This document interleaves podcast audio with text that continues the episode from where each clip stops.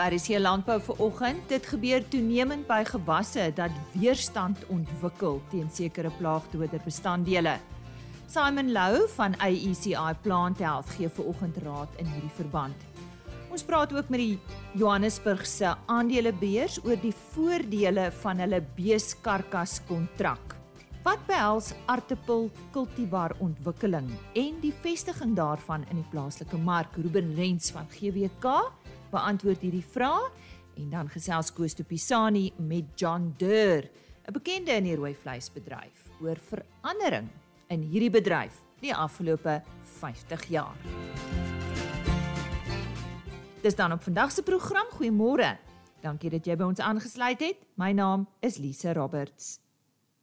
En nou 'n gesprek wat ons vroeër gehad het met die JSE oor hulle beeskarkas kontrak. Ek het gesels met die bestuurder kommoditeite Annelisa Matutu.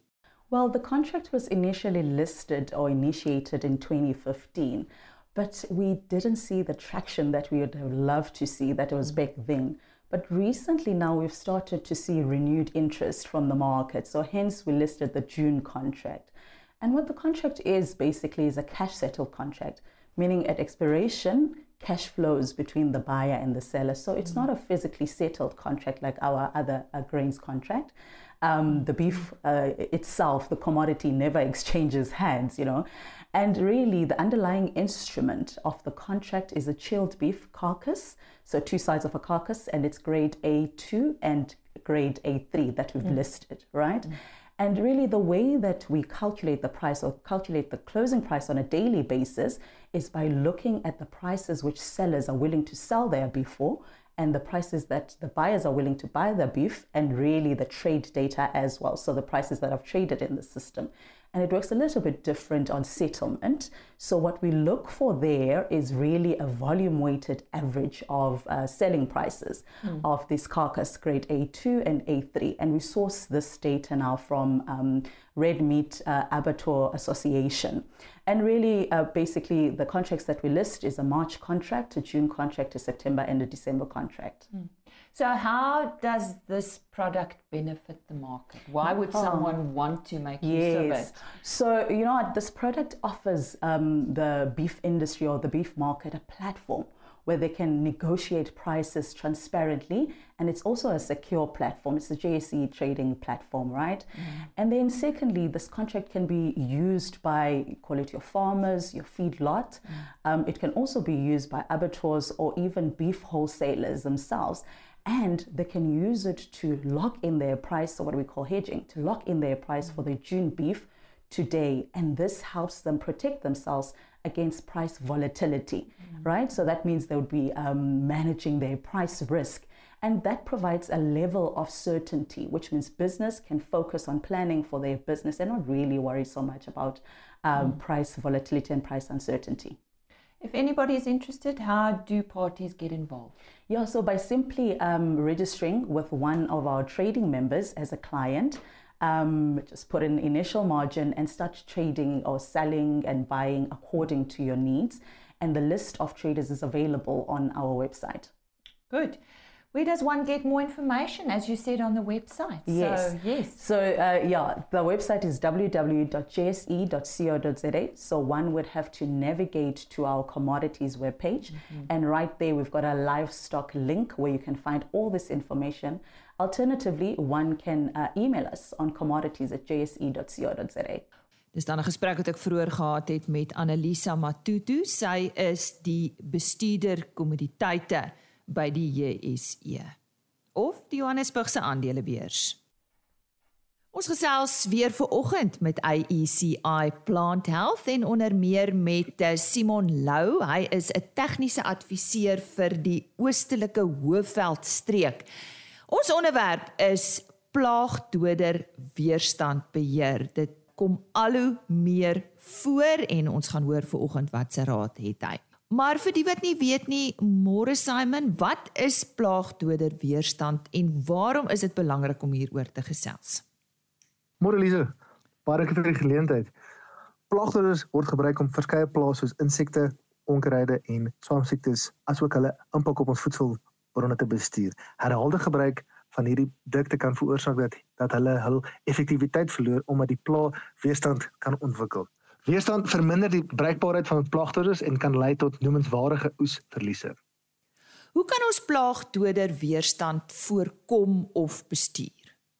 Die gebruik van 'n geïntegreerde plaagbestuurprogram behels meer as net die gebruik van chemiese middels. 'n Proaktiewe uitkyk sal help om enige weerstand te voorkom of ten minste uit te stel. Dit is baie belangrik om die korrek, korrekte aanbevole dosis volgens die et etikette te gebruik. Ja, ons het al oor en oor gehoor dat dit verskriklik belangrik is om die aanwysings uh op daai etiket goed na te volg. Hoekom is dit so belangrik? En miskien kan jy vir ons 'n voorbeeld noem. So die dosis is uitgewerk weens baie noukeurige navorsing en dit is ook gebaseer op die effektiewe dosis om die plaag te kan doodmaak. As jy minder neersit of selfs meer meer neersit, is dit onnodig en dit kan ook 'n negatiewe effek hê op op die lewenslikes van die plaag. Dit kan veroorsaak dat sekere individue in daardie populasie vinniger weerstand ontwikkel en dan na volgende populasies is dit net die weerstandbiedende individue wat dan oorbly. Soos meeste chemiese middels is daar 'n aktiewe bestanddeel in plaagdoders wat die werking op die plaag het. Alle aktiewe bestanddele word geklassifiseer volgens hulle metode van werking en word dan in 'n nommer of kode gegee. Herhaalde gebruik van 'n onkruiddoder of insekdoder met dieselfde aktiewe bestanddeel of dieselfde metode van werking kan lei tot tot die ontwikkeling van weerstand.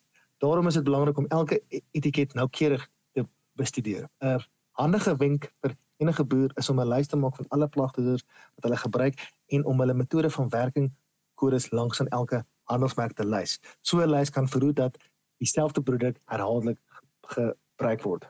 'n Wisselboustelsel sal ook verhoed dat produkte met dieselfde metode van werking herhaaldelik gebruik word. Die grootste drywer agter weerstandbeheer is CropLife en hulle hulle het verskeie groepe onder meer Irak, H-Rak en Efrak wat praktiese wenke vir boere en gewasadviseurs kan gee. Simon om hier af te sluit, wat is die grootste faktore wat kan lei tot weerstand? Die gebruik aan nie chemiese plaagbeheer praktyke soos soos in die geval van onkruidbeheer. Hierdie nie chemiese praktyke sluit in grondbewerking en dekgewasse in die droë seisoen, asook die digtheid van van die aantal onkruide kan lei tot vinniger ontwikkeling insluitend ek dink die gebruik van verskeie middels nie net chemiese beheer maar ook kulturele beheer metodes sal help om weerstand weer te voorkom en selfs hopelik te kan solank as moontlik uitstel. Nou ja, ons sê baie dankie aan Simon Lou. Hy is tegniese adviseur vir AEC Plant Health en meer spesifiek in die oostelike Hoëveldstreek. Hy het vandag met ons gesels oor 'n baie aktuële onderwerp en dit is iets wat eh, al hoe meer voorkom by ons gewasse en plante en dit is plaagdoder weerstand. Hy het vandag vir ons raad gegee oor die beheer daarvan. En indien jy meer inligting benodig of dalk met hulle wil gesels, gebruik hierdie webtuiste www.aeciph.com Ek herhaal in Afrikaans www.aeciph.com. As jy nou hier by ons aangesluit het, baie welkom. Jy's ingeskakel vir RSG Landbou. Dis net hier op RSG vanaf 5uur tot 6 van my kant af, Maandag tot Donderdag. Ons gesels weer vanoggend met GWK en uh, onder meer met hulle produksiebestuurder van aartappels. Ons fokus op kultivar ontwikkeling en verwelkom graag vir Ruben Rens. Ruben, môre een van uh, jou take as produksiebestuurder van aartappels by GWK is kultivar ontwikkeling. Kan jy kortliks vir ons vertel wat dit behels? Goeiemôre Lise. Ja, kortliks behels dit basies die soeke na 'n nuwe kultivar wat ons dan invoer en plaaslik vermeerder en beskikbaar stel aan die aan ons mark in Suid-Afrika. Waarom is dit nodig om nuwe kultivars te ontwikkel? Ek dink soos in in alle ander gewasse, in aardappels maar dieselfde. Ons soek na kultivars met hoër opbrengs. Ons soek na kultivars wat beter siektebestand is en en dan natuurlik nog miskien iets soos uh, ander eienskappe wat tans nie beskikbaar is nie soos kleur of smaak wat meer aanvaarbaar is vir ons kliënte. Eh, Ruben, wat van eh, klimaatsverandering en omstandighede speel dit ook 'n rol by die ontwikkeling van nuwe kultivars? Dit speel versekerlik 'n rol, uh want ons in Suid-Afrika het eintlik 'n baie warm klimaat vir aardappels. Aardappels is hoofsaaklik 'n koelweer gewas. Hy's ontwikkel uh hy kom van die Andes gebergtes af wat 'n baie hoë uh, uh vlak bo seespieël is. So in Suid-Afrika het ons nie tipiese uh goeie omstandighede vir aardappels nie. So ons soek eintlik maar na kultivars wat byvoorbeeld meer hittebestand is en uh jy weet met minder water kan klaarkom want ons het altyd in Suid-Afrika maar die kwessie van uh, tekort aan water in die landbou. Hoe gaan 'n mens te werk om 'n nuwe kultivar te vind, Ruben? Uh gewoonlik in ons geval werk dit maar so dat ek oor see gaan en uh die die produsente van nuwe kultivars gaan besoek. Daar's gewoonlik in uh in die begin van November as daar 'n uh, kultivar uitstalling, hulle noem dit die rasse skou in Nederland, uh wat mense dan besoek en verskeie uh kultivar eienaars reg oor Europa kom staan dan hulle uh kultivars daar uit en mense kyk nou maar na die kultivars en jy kies vir jou kultivars wat jy dink uh, plaaslik behoort te werk of aanvaarbaar te wees en dan voer jy hierdie kultivars in en jy vermeerder dit natuurlik moet jy dan dan 'n lang toetsproses deurgaan om te kyk of dit wel werk en of dit wel nie 'n uh, sekere swak eienskappe het nie want die probleem is ehm um, uh die goed wat in die in noordelike halfrond mooi vertoon, gaan nie noodwendig in die suidelike halfrond dieselfde eienskappe hê nie. So dis maar 'n lang tydsame en duur proses om 'n kultivar te uh te te vind en om dan te ontwikkel totdat hy uiteindelik beskikbaar gestel kan word aan ons kliënte. Ontwikkel Suid-Afrika ooit ons eie kultivars of het ons al probeer? Lise, aan die begin van van die aardappels in Suid-Afrika baie baie jare terug, ehm um, het ons nie 'n eie program gehad nie en toe het ons maar kultivars ingevoer in die vorm van moere hoofsaaklik uit Skotland uit weet ek. Uh kultivars soos up to date uh, is ingevoer en dan plaaslik vermeerder. En mettertyd het ons toe ons eie kultivar program in Suid-Afrika deur die LNR uh ontwikkel. En uh persone soos dokter van der Plank het het hierdie hele ding gedryf en hulle het vir ons pragtige Suid-Afrikaanse kultivars uh, beskikbaar gestel soos BP1 en van der Plank, Darius en daai tipe kultivars. Maar later jare het hierdie program tot niet geraak en ehm uh, ongelukkig bestaan dit eintlik nie meer nie. So ons het weer teruggegaan na uh na die manier van kultivars uit die buiteland uit in te voer. Nou wat is die proses om nuwe kultivars plaaslik te vestig en hoe lank neem dit jy nou so vinnig daaraan geraak met jou vorige antwoord? Ja, as mens dan nou 'n uh, kultivar in die buiteland geïdentifiseer het, dan dan voer ons hom in in die vorm van buisplante, want ons uh, wil nie graag moere invoer nie. Ons mag eintlik nie moere invoer uit die buiteland uit nie om nie nuwe siektes in te bring nie. Uh en dan kom hierdie buisplante in na 'n kwarantaingebied in Suid-Afrika waar hulle dan getoets word en vrygestel word as hulle skoon is van al die siektes en hulle plaas ons dan die plantjies in 'n uh, in 'n uh, genebank wat hierdie plante vir ons op 'n lang termyn kan kan stoor en uit daardie bron uit of dan die gene sny ons weer plantjies wat ons in ons plaaslike kweekhuis plant uh wat ons dan uh, daaruit oes ons generasie 0 moere en die, die volgende proses is dat ons hierdie uh, generasie 0 moere by kernkweekers gaan plant wat gewoonlik ver uit ons gebied het is ter wille van die siekte druk en hulle vermeerder vir ons vir 2 jaar lank tot by generasie 2 en dan kom daardie generasie 2 moere na ons plaaslike boere toe en ons vermeerder dit dan so vir 'n jaar of 2 totdat ons genoeg het om dit aan ons kliënte te verskaf. Ja, ja. Baie interessante gesprek oor kultivar ontwikkeling in Suid-Afrika met 'n kundige al jare in hierdie bedryf, die produksiebestuurder van aartappels by GWK en sy naam is Ruben Rents.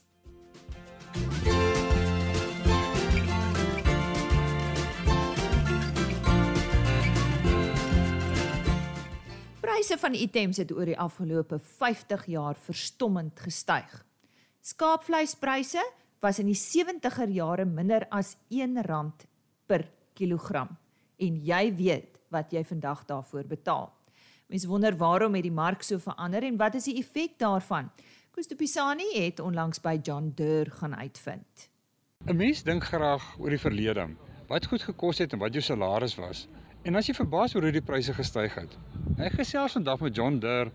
Uh, hy is die bestuurende direkteur van Weskaap Lewende Hawe om hom uit te vind hoe die rooi vleisbedryf in die laaste 50 jaar verander het. John, as jy moet vergelyk, Hoe het die skaapvleisbedryf in 1970 uh, verander tot vandag toe? En hoekom dink jy is dit so? Koos, as ons kyk na die groter prentjie, dan het die amptelike skaapgetalle van 33 miljoen na plus minus 20 miljoen gesak met die grootste daling uh, die laaste 20 jaar. Die die prys van skaapvleis het tot en met die afskaffing van die beheerrade hier rondom 1995 96 toe ons in die nuwe Suid-Afrika ingegaan het, was die pryse redelik laag van 85 sent af in 1971 en het gestyg tot so R14 en dan in die laaste uh 20 25 jaar het hy van R14 af dan nou gestyg na die huidige plus minus R85.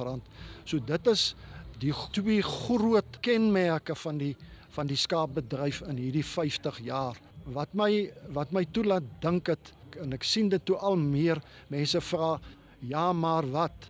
Hoe het die ander goed nie verander nie? Het ons bygehou? So so ons praat hierso sonder om inflasie uh, in aanmerking te neem. Ons praat net van die fisiese prysbewegings en die getalle se bewegings. En uh, die slagting self is die slagtings ook minder geword? Ja, die slagtings het het minder geword. Die slagtings was op op sy hoogtepunt was dit hier rondom uh 1996 uh het ons so 9 miljoen skaap geslag en dit is omtrent in die laaste jare wat die vleisraad nog uh hierdie getalle gekontroleer het.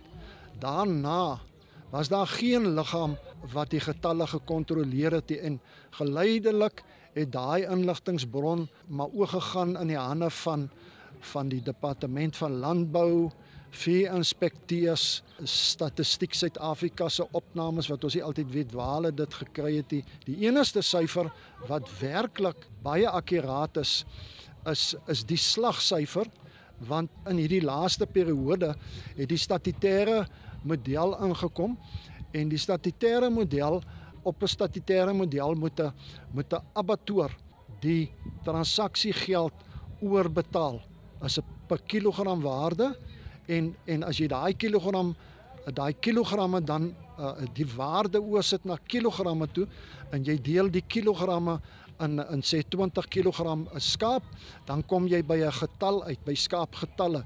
So daai syfer wil ons sê is sê 95% akkuraat.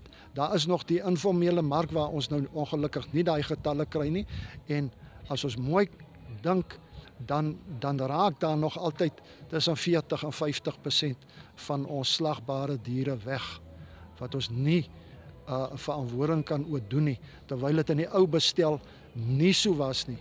Die groter abattoirs het die statistiek gehad, die vleisraad het die statistiek bymekaar gemaak en dit gekontroleer. Maar as ons nou kyk na die uh, skaapgetalle wat minder geword het en dan die uh, slagtings wat minder geword het, hoe beïnvloed dit die die, die mark self? Die die skaapgetalle, 'n mens sal dink as die skaapgetalle afneem in die in die getal mense neem toe, dan moet die verbruik mos nou styg. Maar aan die begin van die nuwe Suid-Afrika was dit aanvanklik so gewees en het dit goed gegaan met die meeste van die land se mense. Maar toe daar 'n klomp nuwe bedreigings vir die skaapvleisprodusent ingekom soos uh, sosiale media, televisie, lewenstyl, al hierdie goed wat elke maand moet betaal word en wat vleis, lamsvleis spesifiek wat een van die duurste produkte op 'n winkel raak is, die verbruiker twee keer laat dink. Hy hy eet minder uh, lamsvleis. Die gesondheidsbewuste ouens het ingekom en hulle het gesê jy kan nie elke dag skaapvleis eet nie. Ons verskil natuurlik van hulle as jy jou uh, as jy 'n gesonde lewenstyl handhaaf, dan kan jy elke dag vleis eet, sê ek. Uh so maar dit is debatteerbaar. So uh, ja, dit en dan natuurlik die kompetisie van die ander vleissoorte, veral hoender en vark wat baie goedkoper is. So as jy swaar kry uh in jou somme kom jy rond die eind van die maand en dan eet jy volgende volgende week net hoender en vark. Vark uh, uh, as gevolg van die van die geloofsgroepe wat nou nie almal vark eet nie, het dan nou spesifieke verbruikers maar maar hoenders kan jy het produkte wat tot die armste van die arm mense kan eet. Dit klink nou alles baie negatief. Hoe sien jy dan die uh, skaapbedryf uh, vir die toekoms? Uh, is daar nog hoop vir die die skaapboere? Ek het ek het steeds baie hoop vir die skaapboere as ons 'n paar goed kan uitskakel of kan 'n uh, bietjie in beheer kry soos vee diefstal uh, en dit kan ons doen net soos met die probleemdiere en ek dink die die skaapboere wat onder vee diefstal ly kan dalk 'n paar lesse gaan neem by die by die boere wat onder vee onder probleemdiere ly is uh, jou bestuur moet moet net 'n bietjie verander word. Jy moet jou uh, jou skaapboerderye op 'n ander manier bestuur. Uh daar is baie alarmstelsels en daar's plaaswagte. Uh dis alles goed wat help maar die misdadiger net soos wat ons 'n plan kan maak is hulle ook maar daar altyd om 'n plan te maak. So maar dit kan tot 'n manier aangespreek word as ons almal saam staan soos met die probleemdiere. Droogtes is maar altyd met ons, maar uh, die afgelope droogtes het ook gewys dat as gemeenskappe oor die hele land saam staan, dan kan ons dit ook hanteer uh, dat ons skaapboere nie nog minder raak nie. En uh, in die goeie jare en met intensiewe skaapboerderystelsels kan ons die produksie, die kilogramme per hektaar of kilogramme per ooi uh, kan ons weer opstoot. Ons sal dit kan doen. En dan natuurlik die uitvoermark. Ons verkies uh om die geslagte uh vleis uit te voer uh sodat ons plaaslik kan kan werk skep en kan waarde toevoeg uh uh om uh veral vir die behoud van die platteland. Ons moet ons moet uitvoer abattoirs op strategiese plekke hê en hulle moet die vleis vir ons uitvoer, maar uitvoer gaan ook weer gepaard met protokolle. Jy moet nog altyd weer by die staat verbykom. So dit is miskien en dit is op hierdie stadium die grootste oponthoud hoekom die lewendige of die uitvoer van lewendige skaap nie tans plaasvind nie. John, maar dis nou vir my interessant. So jy sê ons moet in die buiteland 'n nuwe mark gaan soek of dink jy uh, ons kan die plaaslike mark eerder probeer ontwikkel. Want op hierdie stadium die die persepsie is daar dat net jou hoogste jou hoogste inkomste groep ehm um, hulle kan skaap bekostig. Ehm um, dink jy nie uh, daar kan 'n 'n beter toekoms vir die vir die skaapboere geskep word deur 'n groter mark plaaslik te skep nie? Ja, ek dink nogal so. Dit sal 'n bietjie innoverende denke kos, maar ek dink die nuwe generasie abattoir eienaars met nuwe fabrieke hulle is besig om na nuwe rigtings te kyk, nuwe snitte of jy verander net die naam van 'n snit, dan prikkel jy 'n ou 'n verbruiker so binnelands, dan praat ons miskien ook van die Afrika mark in plaas van heeltemal uh, uit die vasteland uit te gaan 'n mark soek. Ek dink ons ons sal dit kan doen. Dit was John Deur geweest. Ek is Koos de Pisani vir RSC Landbou in die Noord-Kaap. Dankie weer eens vir jou tyd vanoggend. Dit was dan RC Landbou op hierdie Woensdag 16 Maart. Môreoggend op RC Landbou gesels ons oor die blou bessie bedryf in Suid-Afrika en in die wêreld wat so groei. Isak Hofmeyer kuier ook by Agmat Brinkhuis. Hy is daar in die Filippi area daar op die Kaapse vlakte en hy vind bietjie meer uit oor sy lê henne en eier boerdery. Maar uh, soos altyd is Johan van der Berg op sy pos met nuus oor die weer en ons hoor natuurlik by Chris Derksen wat het met vleispryse gebeur. Onthou dis RSG landbou môreoggend weer om 5uur saam met my Lise Roberts. Ek sluit af met ons e-posadres rsglandbou@plaasmedia.co.za. Mooi dag vir jou verder. Totsiens. RSG landbou is 'n plaas media produksie met regisseur en aanbieder Lize Roberts en tegniese ondersteuning deur Jolande Rooi.